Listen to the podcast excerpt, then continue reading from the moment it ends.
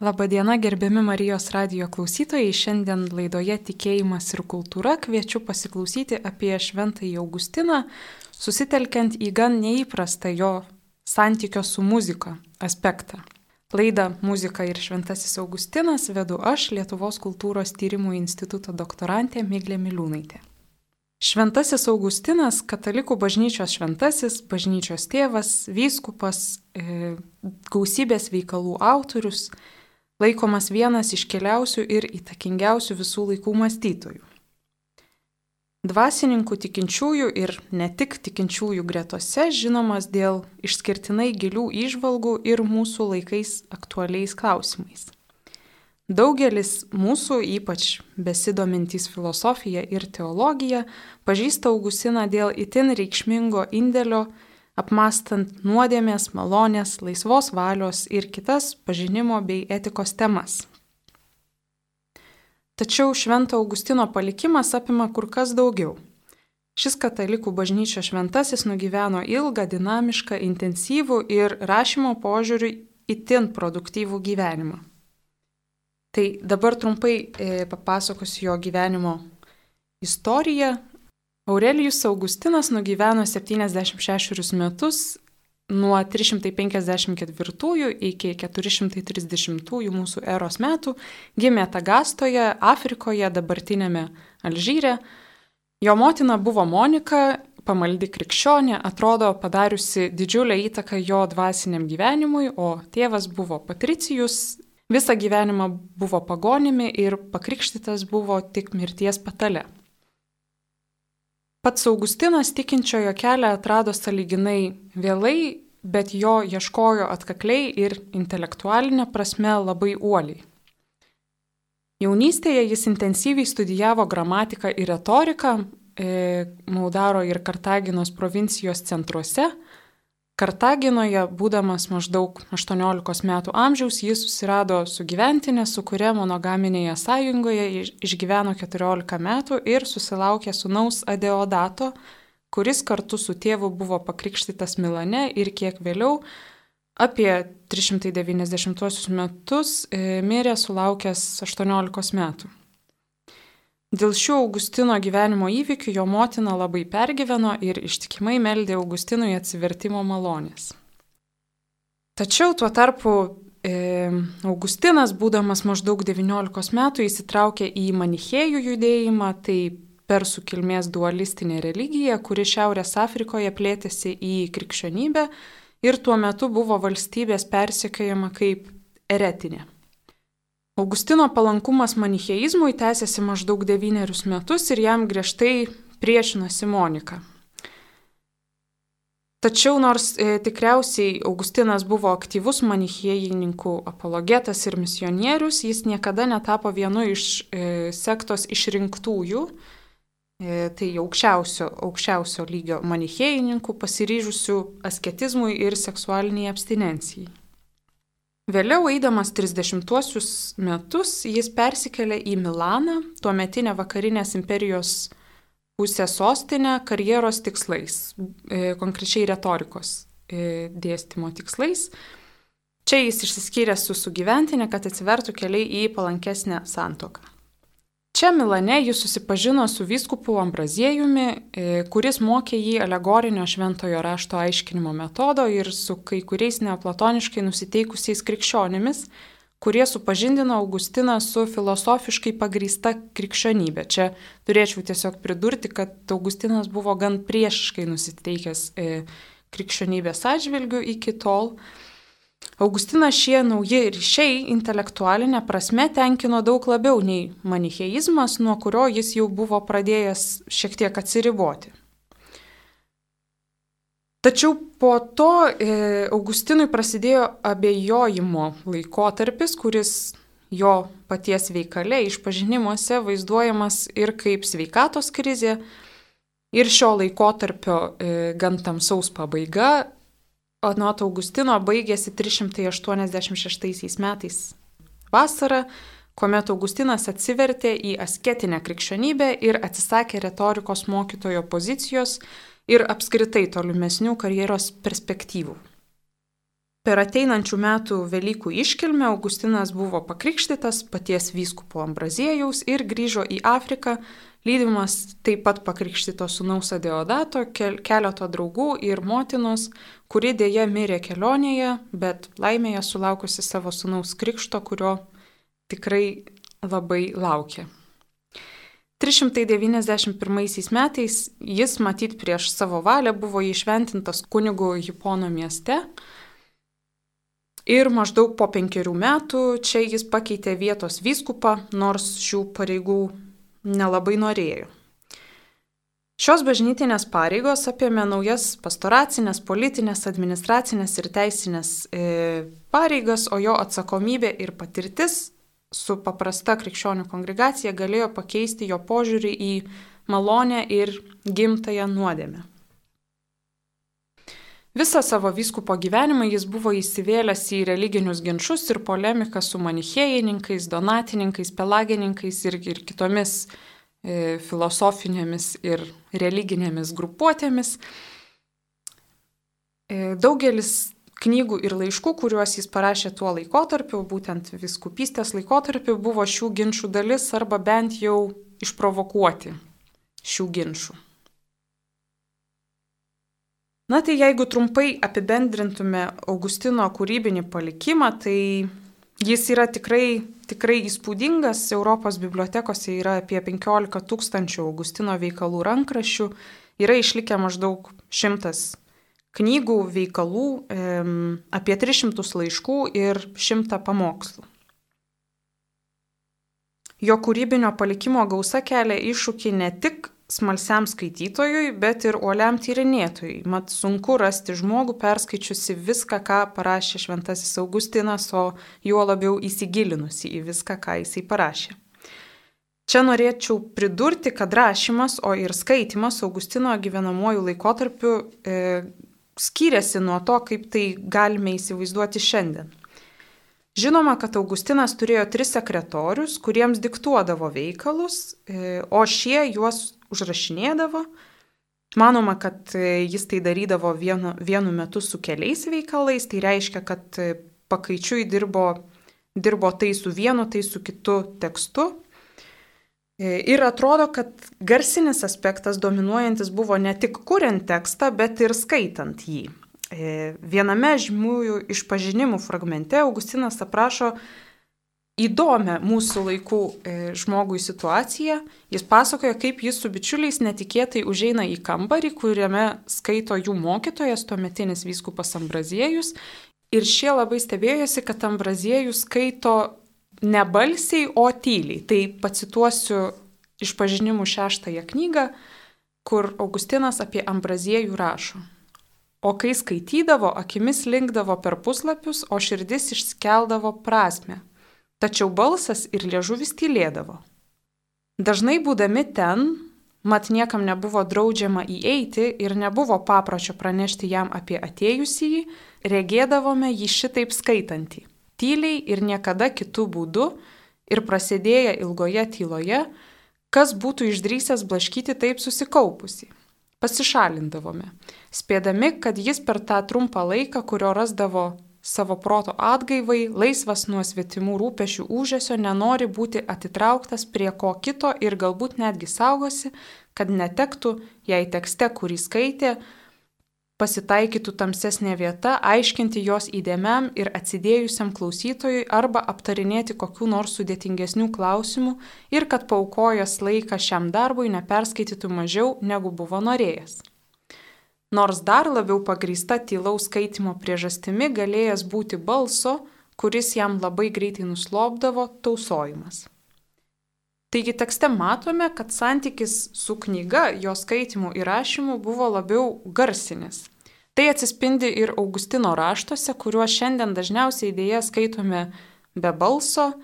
Augustinas karjeros pradžioje dirbo retorikos, kaip retorikos meistras ir mokytojas, Jo tekstai labai literatūriški ir muzikalūs.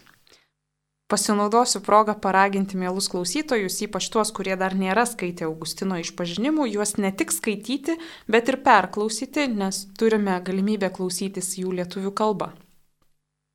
Na tai tiek apie patį skaitimo įrašymo procesą tais laikais, o dabar trumpai norėčiau aptarti pačius Augustino raštus. Kaip jau sakiau, problemos skaitytojai kyla ne tik dėl įspūdingo Augustino tekstų korpuso dydžio. Žanas Lukas Marijonas, prancūzų filosofas, vienoje savo knygų parašė, manau, labai taikliai pavadintą skirelį Švento Augustino aporija kuriame jis aptinka atvejus, kaip skirtingai galima Augustiną ne tik interpretuoti, bet ir traktuoti jo pažiūras. Augustino fragmentai leidžiasi įtraukiami į daugybę, kaip sako Marijonas, žaidimų. Jis pateikia pavyzdžių iš šio laikinių teologinių ir filosofinių problemų, kuomet vienas tyrinėtojas remiasi vienais fragmentais, kitas tyrinėtojas kitais Augustino fragmentais ir abu jie pagrindžia savo priešingas pozicijas ir prieina radikaliai skirtingų išvadų, nors kalba apie tą patį autorių Šventąjį Augustiną. Aš galėčiau pateikti porą pavyzdžių iš savo tyrinėjimų srities, tai yra muzikos ir gėdojimo sričių Na, pavyzdžiui, dažnai teigiama, kad Augustinas e, sukrikščionina pagonišką muzikinį mąstymą ir pakrikštyje Pitagorą. Mm, tokiu atveju tyrinėtojas parengia knygą ar net disertaciją apie tai, o kitas tyrinėtojas tuo metu teigia, sakykime, kad Augustinas po atsivertimo visiškai atsiriboja nuo to, ką darė anksčiau, ypač nuo antikinio mąstymo apie muziką. Taigi visiškai priešingos pozicijos atrodytų. Kitas pavyzdys būtų iš bažnytinio gėdojimo konteksto, kur vienur teigiama, kad Augustinas buvo puritonistas ir itin skrupulingas gėdojimo atžvilgiu, taip labai skrupulingas, kad net galvojo uždrausti gėdojimą bažnyčioje, o kitur teigiama, kad jis įgalino sensualinį muzikos aspektą gyvuoti krikščionybėje ir jo indėlis reikšmingiausias to, o ir vėlesnio meto bažnyčios tėvų gretose. Ir nepaisant to, kad tiek vienas, tiek kitas tyrimas atrodo pagrystas ir akademiniu požiūriu neatsakyčiau solidus, kyla klausimas, kaip reikia žiūrėti į tokias išvadas ir į patį Augustiną, kai skirtingai rekonstruojami požiūriai radikaliai skiriasi. Žanas Lukas Marijonas, prieš tai mano minėtas šiuolaikinis prancūzų filosofas, vienoje savo knygų ir klausia, kaip turėtume skaityti Augustiną, kad suprastume, ką norėjo vienu ar kitu klausimu pasakyti pats Augustinas, o ne jo tyrinėtojai. Ir Marijonas siūlo tokį požiūrio tašką, kuris bent jau man atrodo labai priimtinas. Jis siūlo skaityti Augustiną ne metafiziškai, o fenomenologiškai.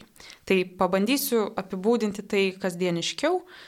Mm, kitaip tariant, Marijonas sako, kad Augustinas nekalbėjo apie Dievą kaip subjektas atsigręžęs į objektą, o kalbėjo apie Dievą santykyje su Dievu, kitaip sakant, Dievui. Ir viename e, iš savo interviu Žanas Lukas Marijonas pasiūlo tokį pavyzdį, kuris man atrodo labai vaisingas, aš pabandysiu jį persakyti. Marijonas sako, kad Augustinui filosofija yra ne tik išminties meilė, kaip įprastai sakoma apie kitus filosofus, bet Dievo meilė, kuri reiškiasi ne tik protu, bet ir santykių patirtimi. Marijonas savo pavyzdyje sako, kad kai vyras, pavyzdžiui, nori pažinti jam simpatišką moterį, jis elgesi, ir čia jis pabrėžia žodį elgesi, taip, kad ji į jį kaip nors sureaguotų, kad jie atkreiptų dėmesį ir jis ją siekia pažinti dėl santykio ir meilės, o ne įrodinėja vien tik protu, kad moteris yra ir ginčijasi su kitais vyrais dėl argumentų, kodėl pagristai galima teikti, kad ji egzistuoja. Tai ši analogija vaizdingai supriešina skolastinę teologiją, kuri apie Dievą kalba e, nedalyvaujant, kaip Marijonas sako, santykyje su Dievu ir veikia argumentavimo principu ir Augustino filosofija, filosofija suprantant kaip Dievo meilę, kurioje jis kreipiasi į Dievą, kalba dėl Dievo ir Dievui. Ir ryškiausiai tai anot Marijono matoma išpažinimuose ir būtent iš išpažinimų perspektyvos jis ir ragina interpretuoti visus Augustino raštus. Tai iš šio požiūrio taško ir bandau ruošti savo disertaciją, o dabar e, trumpai aptarsiu labiau teorinės filosofinės Augustino nuostatas ir kaip jos dera su krikščionišku gyvenimu, o vėliau kitoje tikėjimo ir kultūros laidoje detaliau aptarsiu praktinius gėdojimo liturgijoje ir asmeninėje maldoje atvejus, apie kuriuos kalba Augustinas. Primenu, kad laidoje tikėjimas ir kultūra kalbame apie muziką ir Šventą Augustiną. Laidą vedu aš, Lietuvos kultūros tyrimų instituto doktorantė Miglė Miliūnaitė. Iš gausaus Augustino kūrybinio palikimo didžiausias veikalas skirtas muzikoje yra Augustino De muzika apie muziką, kuris yra labiau techninis traktatas, jį sudaro šešios knygos. Taip pat jis apie muziką kalba veikale apie tvarką, apie laisvąjį sprendimą, apie krikščionių mokslą, išpažinimuose ir kitur. Tai dabar norėčiau paliesti e, temą, kuri yra labiausiai dominuojanti tyrinėjant Augustino raštus, kai, koks yra vis dėlto Augustino santykis su platonizmo tradicija. Na ir dabar trumpai ją pristatysiu. Tai manoma, kad pitagoriečiams priskiriama sferų harmonijos teorija ankstyviausiai aprašoma Aristotelio traktate apie dangų, kuriame ji aiškinama šitaip. Tai čia ji yra labai supaprastinta, bet e, esmę nusako, manau, kad visai neblogai. Žodžiu, Pitagoriečiai teigia, kad dideliu greičiu judantis dangiškieji kūnai turi skleisti intensyvius garsus. Šie kūnai vieni nuo kitų nutolę tam tikrų atstumų turi muzikinio konsonanso skaitinę išraišką. Ir dėl to šie kūnai skleidžia harmoninius sąskambius, kurie ir yra sferų harmonija. Tačiau tame pačiame veikale Aristotelis abejoja, kad sferų harmonija be matematinės turi ir akustinę išraišką. Filosofas kritikuoja pitagorininkų teiginius ir sako, kad žmogui dangiška muzika negali būti girdima, nes, pasak jo, nėra jokios kūnus užgaunančios jėgos, todėl nėra ko ir girdėti. Šiuolaikiniam žmogui tai atrodo įtikinama ir manau, kad šiuolaikinis mokslas panašiai ir teigia, tačiau platonizmo tradicija ėjo kitų kelių ir bandė savai pagrysti skambančios dangiškos harmonijos fenomeną. Neoplatonikų įsitikinimu vienintelis Pitagoras, būdamas anapus kūno, girdėjo melodingą sferų harmoniją ir dėl savo panašumo į Dievą atkartojo ją žemiškomis dainomis ir instrumentais. Žvalgydami neoplatonikų tekstus matome, kad dangiška muzika jiems realiai yra atkartojama. Muzika atliekama vadovaujantis išdėstytais skaitinių santykių principais, turi gydantį poveikį sielai ir e, dėl to būdavo praktikuojamos religinės praktikos, bet to dangiškos muzikos girdėjimo geba ir sielos būklė priklauso viena nuo kitos. Kitaip tariant, Dangiškos muzikos mėgdžiojimas daro tiesioginę įtaką dorybingumui ir pasiekęs tobulumą, individas pats ima girdėti sferų harmoniją. Taigi tas numanomas muzikos ir sudėvėjimo sąryšis ir girdimos muzikos kaip kosmoso tvarkos mėgdžiojimo samprata e, leidžia teikti matematinės muzikos viršenybę girdimos muzikos atžvilgių. Ir tai, kaip muzika yra tinkama ir graži, vertinama atsižvelgiant į tai, kaip jinai atitinka proporcingumo kriterijus. O tuo tarpu orientuota į kūniškus ar jausminius išgyvenimus muzika buvo laikoma nederama ir kreipianti nuo gyvenimo tikslo, dorybingumo ir išminties. Taigi tokios sampratos įtaka atpažįstama Švento Augustino samprotavimuose, ypač ankstyvajame jo požiūrėje į laisvuosius menus. Veikale apie tvarką Augustinas ieško tiesos, kultūros ir filosofijos keliu, kuriame laisvieji menai, tai čia ne tik muzika, bet ir gramatika, retorika, aritmetika, geometrija, astronomija ir, ir kiti, e, yra būtini siekiant tikrosios laimės. Na ir Augustinas karjeros pradžioje projektuoja visiems laisviesiems menams skirtą veikalų seriją, iš kurių pavyksta parašyti tik du, vienas iš jų būtent apie muziką. Šiame veikale Augustinas kūrė savotišką dvasios kilimo metodą. Pirmasis penkias knygas jis rašo ne dėl ko kito, o jausdamas pareigą suteikti skaitytojams, intelektualiai pasirengusiems skaitytojams laipsnišką kilimą nuo pasaulietinės literatūros Dievo link. Muzika Augustino požiūriu yra dalyvaujanti tiek jūslėse, tiek prote.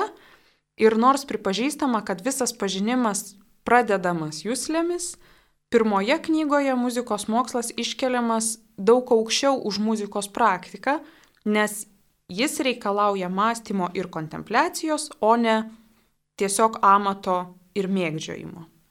Traktate Augustinas lieka ištikimas racionalizmui, teikdamas, jog malonumas klausantis kyla dėl to, kad muzikoje glūdantis proporcingumas yra dieviškos meilės aidas. Kaip paprašo e, tyrinėtoja Harrison, taigi muzika suvienyje kūrinyje su kosmija harmonija, muzika kyla iš Dievo ir gražina mus Dievop. Tai trumpai tariant, tiek platonizmo, tiek ankstyvojo Augustino tekstuose aptinkame, kad muzika kaip spekuliatyvusis mokslas atlieka išganimo funkciją arba dvasinio tobulėjimo, gal būtų geriau sakyti, funkciją. Tačiau vėlesniuose Augustino raštuose matome požiūrio į laisvuosius menus, o sikiu ir į muziką pasikeitimą. Pirmiausia, jį aptinkame įvedę į šeštąją apie muziką knygą, kur ankstesnis darbas apibūdinamas vaikiškumo, pigumo, nieknekio epitetais, bei dešimčia metų vėliau rašomose išpažinimuose, kuriuose aprašoma liturginės muzikos patirtis bei reikšmė dvasiniam gyvenimui. Kaip reikėtų interpretuoti knygos apie muziką šeštos knygos įvadą ir pagrindinį tekstą atskira diskusija, nes tai yra gan trikdantis klausimas, kodėl Augustinas taiga vidury darbo ankstesnį darbą taip įvertina, ganėtinai neigiamai, tačiau vis, vis dėlto jo galutinai neišsižada. E, tačiau daugelio tyrinėtojų sutarėma, kad ilgainiui mąstytojas laisviesiems menams teikia menkesnę reikšmę dėl savo dvasinės raidos. Kitaip sakant, manoma, kad Augustinui įtaką padarė jo atsivertimas ir dėl to jis vertino labiau dvasinius nei intelektualinius dalykus. Kaip bebūtų, išpažinimuose aptinkamas požiūrio į muziką ambivalentiškumas. Jis kleidžiamas e, remiantis mintimi, kad viena vertus Augustinas nori išlikti ištikimas racionaliai muzikos sampratai ir menkina girdimos muzikos reikšmę bei patiriamą malonumą, o antra vertus susiduria su naujomis liturginio gėdojimo praktikomis ir patiria stiprų jausminį atliekamosios muzikos poveikiai sielai ir pripažįsta emocinio intelekto buvimą ir svarbą. Tai kitaip tariant, e, iškyla akivaizdus prieštaravimas tarp to, ką jisai darė anksčiau intelektualiai ir tarp to, kaip tai vertinti susiduriant su naujomis e, liturginio gėdojimo praktikomis. Na tai ryškiausi prieštaravimai matomi tarp teorinių svarstymų, e, kuriuose pabrėžiama dangiškos muzikos viršenybė girdimos muzikos atžvilgių ir jos yra priešinamos. Ir tarp kitų, kitų aprašymų, kuriuos randame išpažinimuose, kur girdima muzikos patirtis yra vertinama labai aukštai. Taip pat prieštaravimas tarp klausos malonumo keliamo pavojaus ir sikiu pripažįstamos teikiamos naudos. Tai galiu trumpai e, pacituoti Augustino išpažinimų dešimtąją knygą, kur jisai rašo, kad klausos malonumai buvo mane apraizgę ir pavergę stipriau, bet tu atrišai ir išlaisvinai mane. Tačiau mano kūno malonumas, kurio neturi leistis paralyžiuojama dvasia, dažnai apgauna mane, kai jausmas lydi protą ne taip, kad kantriai eitų iš paskos, bet kadangi jo dėka pelnėsi būti prileistas, tik ir stengiasi užbėgti į priekį ir vadovauti. Taigi tokiu būdu nusidedu nepastebėdamas to ir suprantu tai tik vėliau. Na ir dar vienas prieštaravimas yra tarp raginimo susitelkti į tekstą labiau nei gėdojimą ir raginimo gėdoti negalint išsakyti neišsakomų dalykų. Pavyzdžiui, Augustinas sako, kad kai su manimi nutinka taip, kad mane labiau sujaudina gėdojimas negu tai, kas gėdama, pripažįstu, kad nusidedu ir kad esu vertas bausmės ir tada bevelyjų nesiklausyti gėdančiojo. O kitame išpažinimų fragmente Augustinas sako, Tačiau dėl to mano širdis nesiliaus garbinusi tave ir šlovinusi giesmėje už tai, ko nepajėgia išsakyti. Na ir susiduriant su šiais visais komplikuotumais, tyrinėjimų kontekste dominuoja du požiūriai. Žodžiu, vieni tyrinėtojai Augustino muzikos sampratą bando skleisti vidinės Augustino raidos pagrindų ir angliškai jie vadinami developmentalistais. E, jie teigia, kad klasikinis optimizmas palaipsniui blėsta ir jį pakeičia krikščioniškoji teologija. Trumpai tariant, jie sako, kad e, raida vyksta, kad požiūris keičiasi. Kiti tyrinėtojai priešingai išvelgia pastovumą ir jie sako, kad e, platoniška ir krikščioniška tradicijų sintezė yra Augustino pagrindas nuolatos ir nėra jokio, po Augustino atsivertimo nėra jokio ryškaus pokyčio jo raštuose, kalbant apie muziką. Na ir, ir tiek vieni, tiek kiti turi e, susilaukę pakankamai kritikos Na ir e, vis dėlto klausimas, kokiu būdu prieštaringumai susiję tarpusavyje, m, mm, pavyzdžiui, malonės pra, pagrindu, lieka iki galo neatsakytas. Tai šią komplikuotą požiūrių visumą siūlau peržvelgti platesnėme teologo Albrechto Dilio aprašytame Augustino mąstymo specifikos kontekste.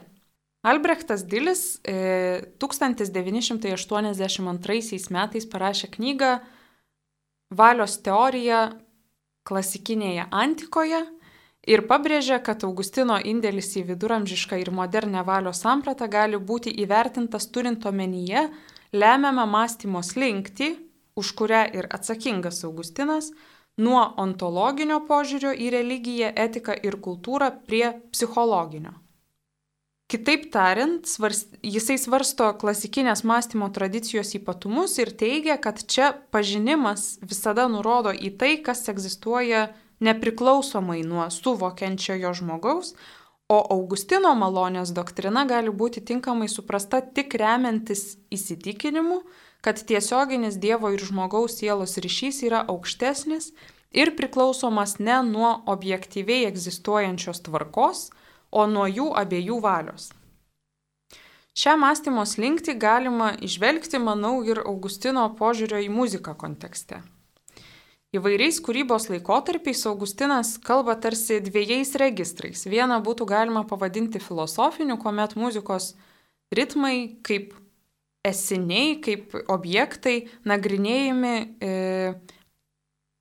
nukreipiant žvilgsnį iš savęs į išorę, Pavyzdžiui, apie muziką veikale Augustinas teikia pirmenybę negirdėmiems skaičiams, e, ritmams, kurių viršenybė jūslinių garsų atžvilgių yra ta, kad jie yra, nepaisant to, ar yra atliekami ir dėl to jie nėra kintami kaip pats Dievas ir yra kilę iš vienio.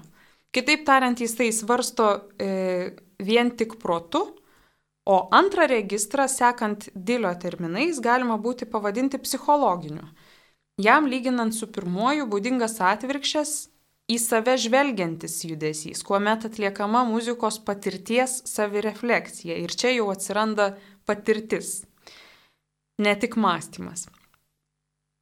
Ir pagrindinis antrojo registro ypatumas yra ne pati e, mąstymo kryptis, o būtent atsirandantis Dievo ir žmogaus sielos ryšio abipusiškumas. Ir čia norėčiau pacituoti Augustino e, fragmentą, kur girdime, kaip, kokia buvo svarbi muzikinė patirtis jo tikėjimui. Devintoje knygoje skaitome, kiek verkiau, girdėdamas tavo himnus ir giesmes, smarkiai sukrėsta saldžiai skambančių tavo bažnyčioje balsų. Tie balsai sruvo į mano ausis, tiesa sunkėsi į mano širdį ir dėl to kilo Dievo baimingi jausmai, tekėjo ašaros ir gera man buvo su jomis. Kitaip tariant, kai apie muziką kalbama kaip apie pažinimo objektą, Augustinas pripažįsta matematinės muzikos egzistavimą ir pirmenybę, o Dilio įvardinta lemiamoji mąstymo slinktis atpažįstama tuo met, kai nustojama racionalizuoti jos poveikį sielai. Pažinti, pavyzdžiui, anapus esančią muziką, tiksliai apibriežti reikalavimus ir taisyklės atliekamai muzikai, iš anksto numatyti, kokį poveikį konkreti dermė ritmas turi darybėms ir taip toliau. Ankstyvajam Augustinui sekančiam platonizmo tradiciją, įgyvendinant gyvenimo tikslą kaip išminties pasiekimą svarbiausia individuo pastangos. Tačiau vėliau Augustinas gyvenimo tikslo nesuprato kaip privataus reikalo ir jo nelaikė vien tik individuo pasiekimu ir pastangomis. Gyvenimo tikslo įgyvendinimas priklauso nuo sielos ir Dievo ryšio, kuris priklauso nuo jų abiejų valios, o ne tik nuo individuo pastangų arba atitikimo egzistuojančiai būties tvarkai. Taigi šioje perspektyvoje vidinio Augustino konflikto ašis nėra matematinės ir muzikos kaip tokios konkurencingumas. Augustinas nepaneigė matematinės muzikos svarbos ir vėlesniuose veikaluose nuosekliai kalba apie muzikos mokslo teikiamą naudą, bandant suprasti, pavyzdžiui, kalbą, laiką, raštų prasme Tačiau pripažįstant šią mąstymo slinktį, būtent nuo pažintinio požiūrio į muziką prie psichologinio, dažni, didžiausia įtampa kyla dėl iš platonizmo tradicijos paveldėto polinkio muzikos poveikį sielai paaiškinti remiantis iš ankstinėmis prielaidomis, prielaidomis, kurios pretenduoja į visuotinumą. Pavyzdžiui, e, Platono tekstuose skaitome, kad konkreti dermė veikia neigiamai kariškius ir ji turėtų būti uždrausta. Arba kita dermė kaip tik teigiamai veikia kariškius ir juos nuteikia pergaliai ir jie galbūt laimės karą ir dėl to reikia kultivuoti tas dermes. Tai Augustinui sakyčiau, kad tokie požiūriai netinka ir jis nepretenduoja išpažinimuose aprašydamas savo patirtį į visuotinumą, Ir dėl to manau, kad autobiografiniai liturginės muzikos patirties aprašymai parodo tokio pažinimo ribą. Augustinas nekelia uždavinio pagrysti išganingą patirtį tuo, kad siela paliečia tobulas ir proporcingas skaičius.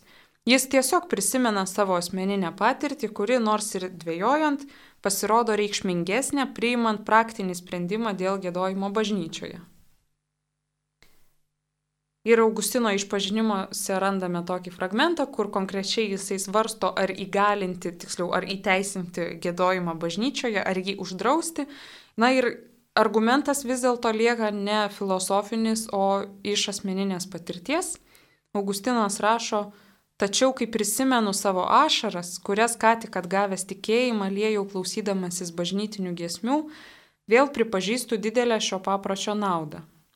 Taip ir blaškausi tarp malonumo pavojaus ir išganingos patirties ir nors nepareikšdamas nepakeičiamos nuomonės, vis labiau linkstu pritarti paprašiui gėdoti bažnyčioje, įdant silpnesnė siela ausims patirto malonumo dėka pakiltų į pamaldumo būseną.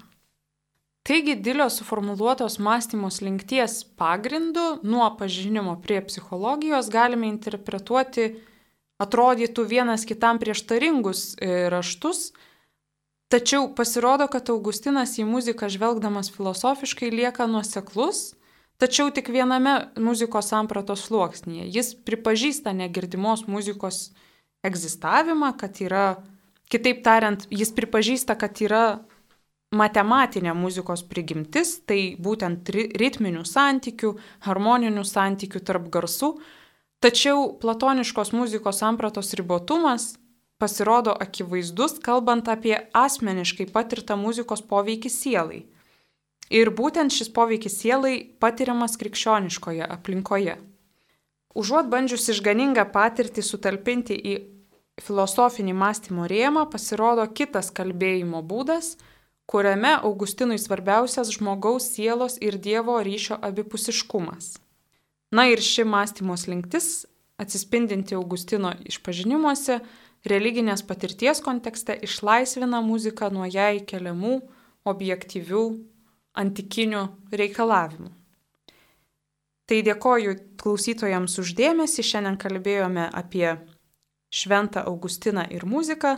Laidą vedžiau aš, Lietuvos kultūros tyrimų doktorantė Miglė Miliūnaitė ir kviečiu tesinio klausytis kitą kartą laidoje Tikėjimas ir kultūra.